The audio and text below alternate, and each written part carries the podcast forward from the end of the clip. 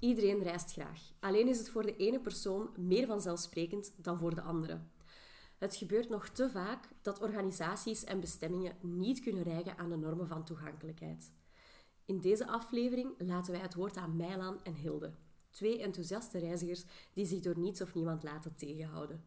Maar eerst maken we kennis met Julie van Project U-Turn.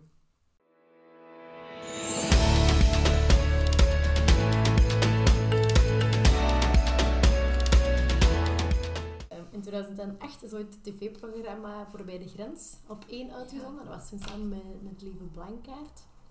Er waren tien deelnemers die toen dwars door Nicaragua zijn getrokken. Ook tien mensen met een, een fysieke beperking, met allerlei verschillende fysieke beperkingen. En die moesten daar, ja, die hebben het land van oost naar west doorkruist. Um, een van de deelnemers was Sven van de Velde, mm slechtziend. En um, achter de grenzen was Glen. Die heeft de, het traject uitgestippeld en, en tijdens de opnames ook alles begeleid qua, qua veiligheid.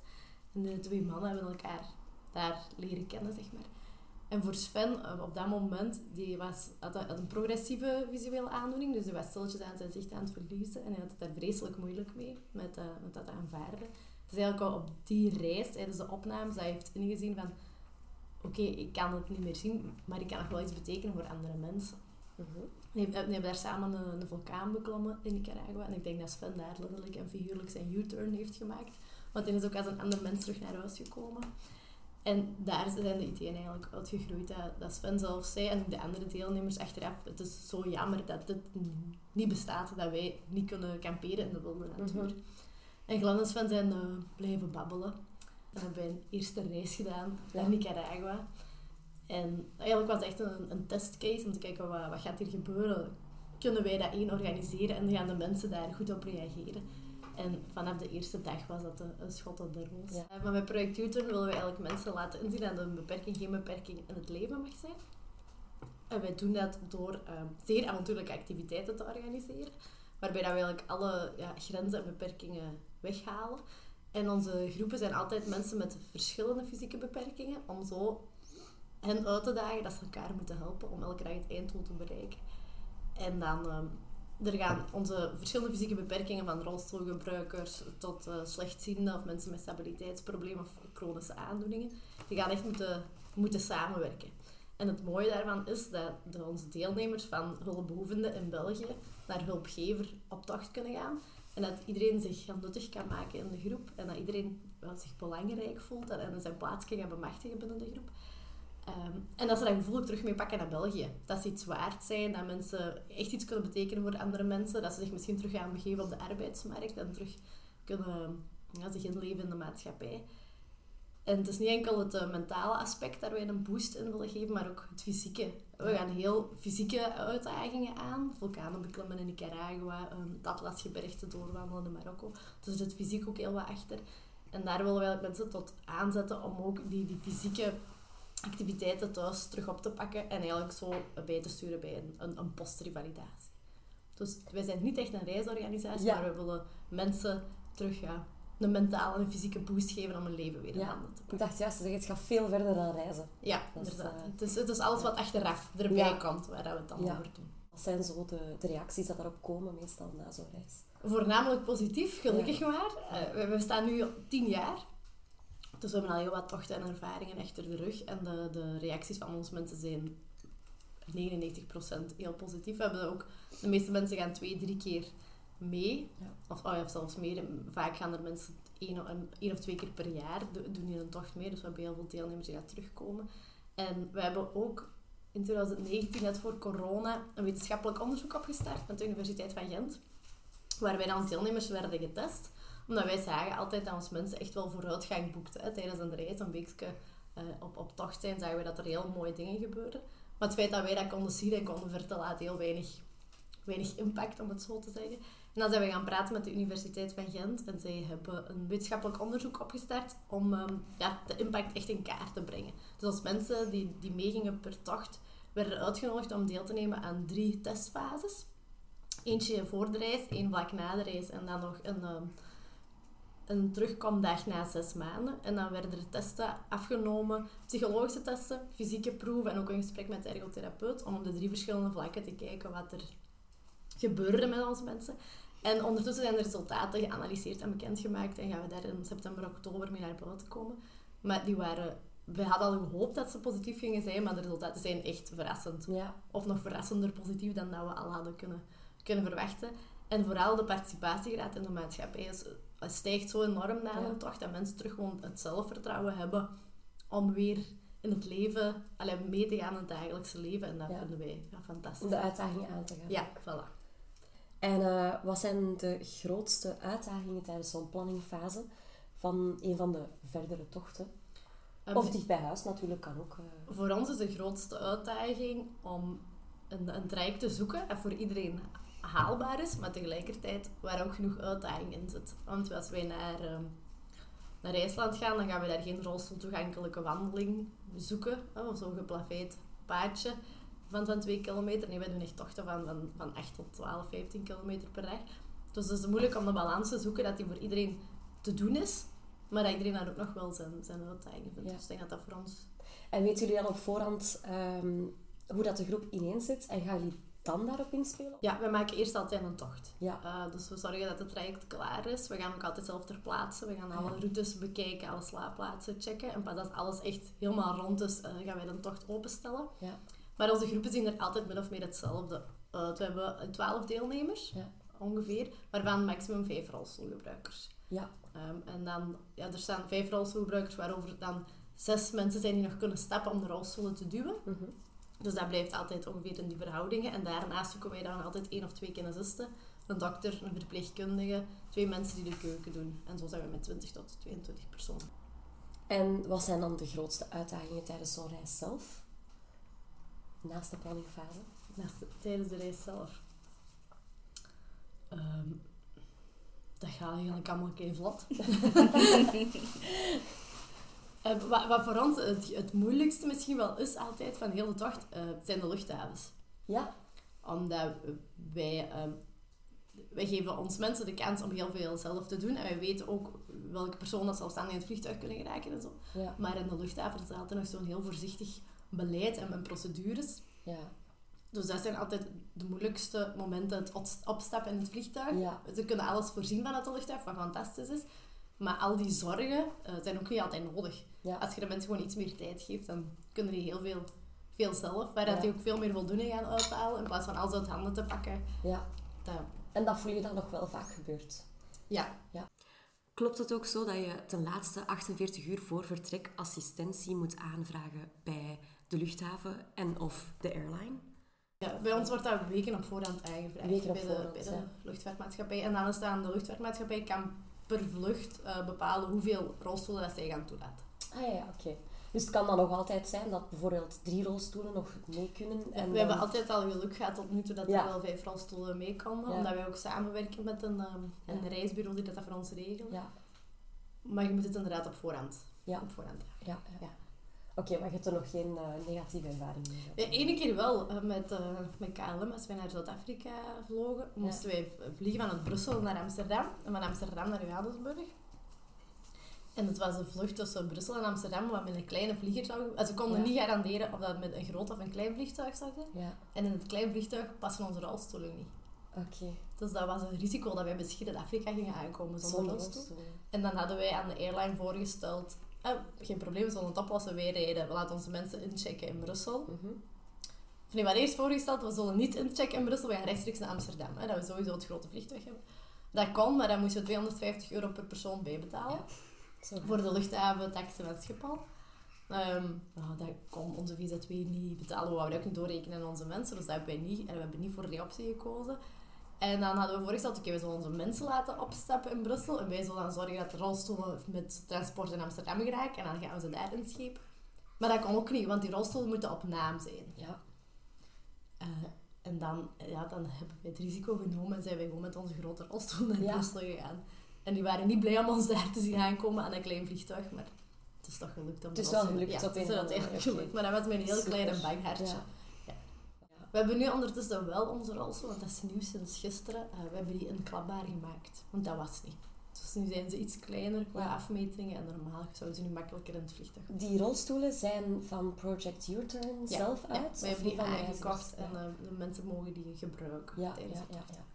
En kunnen mensen hun eigen rolstoel meenemen als ze dat liever... eh, Ja, maar de tochten die wij doen zijn onmogelijk met, met normale rolstoel. En die gaan ook alleen maar kapot. Zijn het gaan. dan speciale rolstoelen? Ja, dat zijn uh, rolstoelen met een derde wiel vooraan. Ah, ja, ja, ja. Voor over de rotsen te rijden, zijn ook overal ogen opgelast om daar touwen aan te bevestigen als we meer mensen moeten trekken of duwen. Er zit ook nog een hoge duwbeugel op achteraan. En het zijn mountainbike wielen, Ah, ja, ja, oké. banden. Ja, Ja, en en dan wielen van ehm, een basketrolstoel, denk ik. Dus extra stevig. oké. Er zijn er zo over, ondertussen zijn er zo'n negen over de hele wereld gemaakt en wij hebben die allemaal. En jij bent ook rolstoelgebruiker? Ja, deels.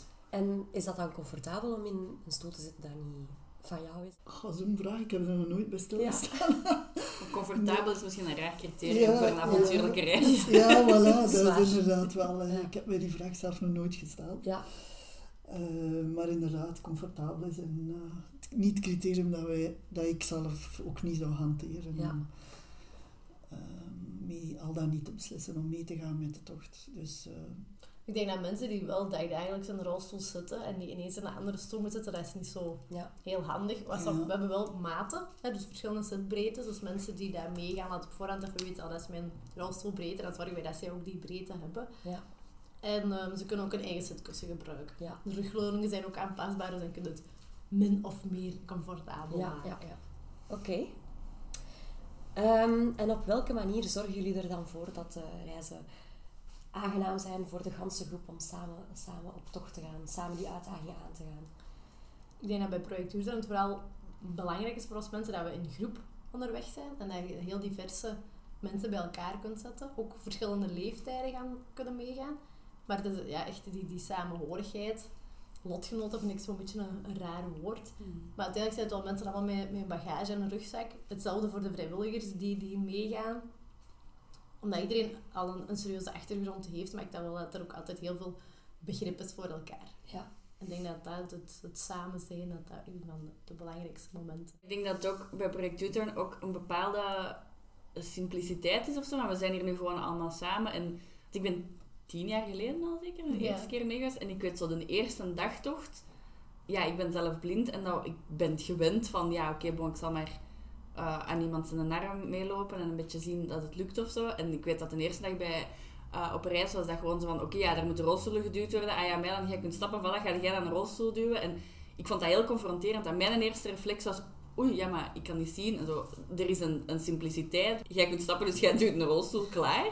En niet op een manier van, we forceren nu of je moet iets, maar zo de, de standaard eh, labels en hokjes en iemand anders beslist wat je kunt en wat je niet kunt, dat valt weg. En ik denk dat dat de manier is waarop dat die groepen functioneren. Het is gewoon, het is heel simpel. We zijn met twaalf deelnemers, vijf rolstoelgebruikers, dus er moet over rotsen geduwd worden. Jij kunt stappen, dus jij duwt, klaar. en zo maakt het... Allee, ja, aangenaam is een beetje een understatement, maar zo creëerde heel snel vanaf minuut één dat je samen op tocht bent, creëerde een groep die aan elkaar hangt en die van elkaar afhankelijk is ook. Op een manier dat je niet... Dat denk ik in eerste instantie heel weinig mensen met een beperking gewend zijn. En je valt daar gewoon direct in, want je moet vooruit. En je zit daar alleen maar met die mensen. Ja, In Nicaragua of wherever.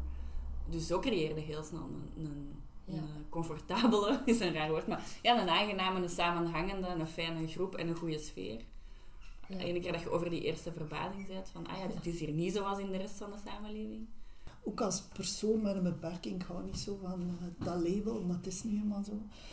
Ehm, is het ook heel vaak dat eh, mensen het overnemen. Ja. En daar moet je ook niks uitleggen, want je bent allemaal gelijkgestemden. Ik hou ook nu niet zo van het woord lotgenoten, dus ik gebruik liever gelijkgestemden. Ja. Maar die gelijkgestemden, die, dat zorgt er wel voor dat, dat je gewoon jezelf kunt zijn, binnen je eigen tempo. Ik vind het ook wel ergens, en ik ben het wel eens met wat jij zegt, inderdaad, het, is, het is op een bepaalde manier, ja, mensen die allemaal tegen een obstakel lopen in de standaard gewone samenleving. En daar heb je, ehm, je begrijpt elkaar op een bepaald niveau direct al een beetje beter. Langs de andere kant, ja, iedereen met een beperking, het zijn nog altijd allemaal andere mensen in alle kleuren en maten. Maar ik vind het leuke aan U-Turn wel, er is iets, en dat zit, hè, wat jullie ook zei, in hun visie. Je trekt het door en daarna in je leven. Dat ik wel denk misschien een allereerste keer als ik met U-turn meeging, zo de eerste dag, denk ik, ha, eindelijk ben ik hier niet de enige. Maar tegelijkertijd heb ik ook wel het gevoel dat dat iets is dat iedereen meepakt daarna in zijn, in, in zijn gewoon dagelijkse leven. Uh, waardoor het niet zo gewoon is van, ah, je bent even tien dagen in een fijne groep waar iedereen elkaar begrijpt. Maar dat, ik zie toch bij veel mensen die met U-turn zijn meegeweest, ik zie dat zelf ook, dat je dat op een duur meeneemt in je dagelijks leven en steeds meer die realiteit creëert van, ja. ah ja, er is hier wel een oplossing. Als we in, als we in Nicaragua tussen de bananenplantages met iemand in een rolstoel en iemand die niet kan zien uh, een pisje kunnen doen, dan zullen we ook wel, weet ik veel, uh, een winkel binnen geraken ja. waar dat er een trapje is met een vriendin met een rolstoel. Of dan zal ik ook wel uh, hulp kunnen vragen om de TGV naar ik weet niet waar te pakken. Alleen dat het zo, dat je doortrekt, waardoor het niet dat veilig kokonnetje van project U-turn wordt en dan daarna de moeilijke wereld. Maar dat dat op de duur begint te vermengen, waardoor het effectief impact heeft. Dat vind ik wel belangrijk. Het is niet gewoon zo onder lotgenoten is het allemaal gemakkelijk en uh, mensen zonder beperking zijn moeilijk. de kracht is dat het net doorstroomt daarna. Dat zijn misschien ook een beetje de echte mentale drempels wegwerken. Hè? Je kent binnen je comfortzone thuis, kunnen perfect functioneren. Mm Dus je hebt alle obstakels die voor jezelf het moeilijk zouden maken, die zijn uit de weg geruimd. In feite binnen je eigen kokon. Maar dan, hè, dan wil je buiten, naar buiten treden. En hoe, ja, dat wordt niet altijd zo duidelijk omschreven. En daar komt Project U-turn natuurlijk met ja, een uitdaging mhm. die we met heel veel plezier aangaan gewoon al als je inderdaad, zoals Mijlan zei, ook de, de, de grenzen binnen uitzonderlijke omstandigheden, de grens van je lichaam kunt verleggen, mhm. dan is het veel gemakkelijker om dat initiatief te nemen eens dat je thuis bent. En dat maakt u ook als uh, persoon veel sterker en, en rijker ook. Dat is, uh, je ziet, je ziet veel meer kansen ineens opduiken en je ziet veel meer mogelijkheden. Je staat ook mentaal er totaal anders tegenover. Gewoon omdat je fysiek die grenzen hebt kunnen verleggen. Mhm. Al is het maar gewoon nog maar de fysieke grenzen aftasten. Want uiteindelijk zitten altijd vast aan de mogelijkheden van je lichaam, mhm. uiteraard. Maar die mogelijkheden van je lichaam, die moeten ook de kans krijgen om eh, uitgebreid te worden binnen andere fysieke mogelijkheden. En die kans krijg je niet altijd.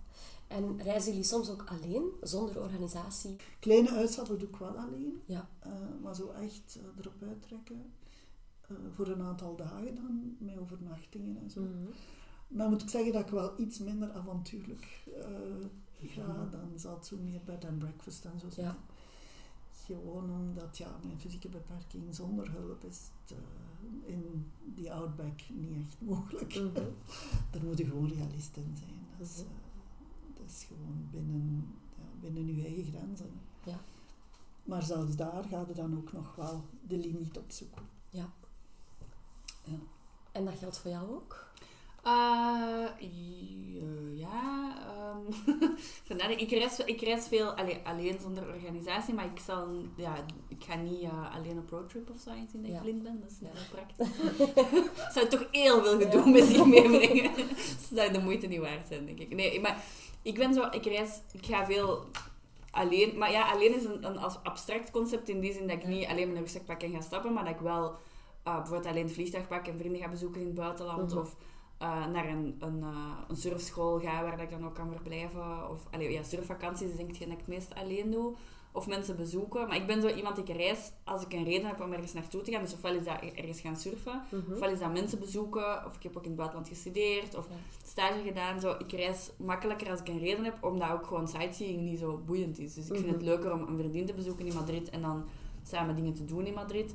Of om naar Portugal te gaan om daar te surfen. Ik ga niet gewoon ja, uh, ergens naartoe om wat te gaan rondkijken. Dus ik ben meer iemand om echt dingen te doen. Maar ik reis wel, ja, ik reis wel veel alleen op die manier. Ja, en hoe zit het dan juist met toegankelijkheid in de hotels en de wegen enzovoort? Heel vaak zie je dan, ja, dat is toegankelijk. Maar ja, om er naartoe te gaan zijn er vijf trappen bijvoorbeeld. Ja, Dan, maar eens dat je binnen zit, zijn er binnen. Nee, maar ja. Dan moet je niet meer terug buiten. Ja, dat bedoel ik. Er, wordt heel, er worden heel vaak goed bedoelde initiatieven uitgevoerd maar altijd vanuit theoretische modellen. Mhm. Mensen die achter een bureau daar zitten te berekenen wat dat, hoe en ja. waar kan mogelijk gemaakt worden. Maar uiteindelijk wordt er zelden of nooit beroep gedaan op ervaringsdeskundigen die het zouden, die, die die perfect zouden kunnen doen. Het is gelijk dat je je elektriek laat leggen door een schoorsteenveger en die man die gaat dat met de beste bedoelingen doen, maar Ja. is- dat, is, dat is ook een algemeen probleem. Hè. Mensen hebben heel vaak goed bedoelde Ja. pogingen die ze ondernemen om iets toegankelijk te maken. Mhm. Maar ja, de manier om het uit te voeren, de, de mogelijkheden die daartoe zijn, die ontbreken heel vaak. Het initiatief Mhm. wordt ook, ze zeggen, ja, waarom zou ik dat doen? Hoeveel keren zie ik iemand met een beperking? Ja, waarom zien ze niet? Het wordt nooit Ja. omgedraaid. Ja. Dus dan moeten de mensen zich ook de vraag stellen, vind ik. Moet- Als uitbater denk ik niet zozeer de vraag stellen van is mijn, mijn etablissement toegankelijk voor mensen met een beperking? Wij moeten dat eigenlijk niet vragen. In feite zou die moeten zichzelf de vraag stellen, wil ik toegankelijk zijn voor iedereen? Wil ik Mhm. toegankelijk zijn voor... ehm allee, als je het ziet binnen de, de- het grote gegeven van inclusie, waar iedereen zijn mond van vol heeft, dan ja, wil ik toegankelijk zijn voor Mhm. mensen met een andere huidskleur. Wil ik toegankelijk zijn voor Ja. groot, dik, dun, smal, weet ik veel allemaal. Wil ik toegankelijk zijn voor mensen met een beperking. Oké, welke initiatieven moet ik dan ondernemen om dat te kunnen zijn? Mhm. En van daaruit vertrekken, wil ik, dat, wil ik die inspanningen leveren om dat mogelijk te maken? Wil ik dat niet? Oké, laat het dan gewoon gaan. Kies je publiek en Mhm. houd u daar dan aan. Maar wil je echt open zijn, zorg dan dat je de juiste kanalen kiest Mhm. om dat ook mogelijk te maken. Want daar ontbreekt het heel vaak. Er wordt, ehm, er wordt zelden tot nooit beroep gedaan op, eh, op ervaringsdeskundigen. Ja, ja, en dat is heel, heel, heel jammer. Gemiste kansen Ja. gewoon. Dat is ook het probleem denk ik, met het toegankelijkheidslabel. Hè? Die, die Ja. eh, richtlijnen zijn, zijn zo strikt dat bijna niemand daaraan kan voldoen. Ja. En die regels zijn ook niet altijd nodig. Ja. Nee. Want je hebt zo'n draaicirkel nodig voor de rolstoel ehm, hè, aan, aan het toilet en, en de deuren moeten zo breed zijn. En een aantal dingen zijn, zijn zeker juist. Maar niet alles is noodzakelijk, waardoor dat er heel veel ehm, hotels of B&B's uit de boot vallen die niet dat label krijgen, maar die eigenlijk wel rolstoel toegankelijk Ja, ja, ja. zijn. Dus het, is, dat, een beetje, het Voilà. probleem komt langs twee kanten. Ja, de regels sowieso. om het label te krijgen zijn, zijn te strikt. En de toegankelijkheid en de uitdagingen even terzijde. Kunnen jullie mij vertellen over de leukste herinneringen aan jullie reiservaringen tot nu toe? Een van de schoonste momenten was voor mij. Ik had al heel lang niet meer gezwommen, omdat ik eh, ja, zie in, in, in open lucht, omdat ik er gewoon niet uit geraak uit dat water. Ja.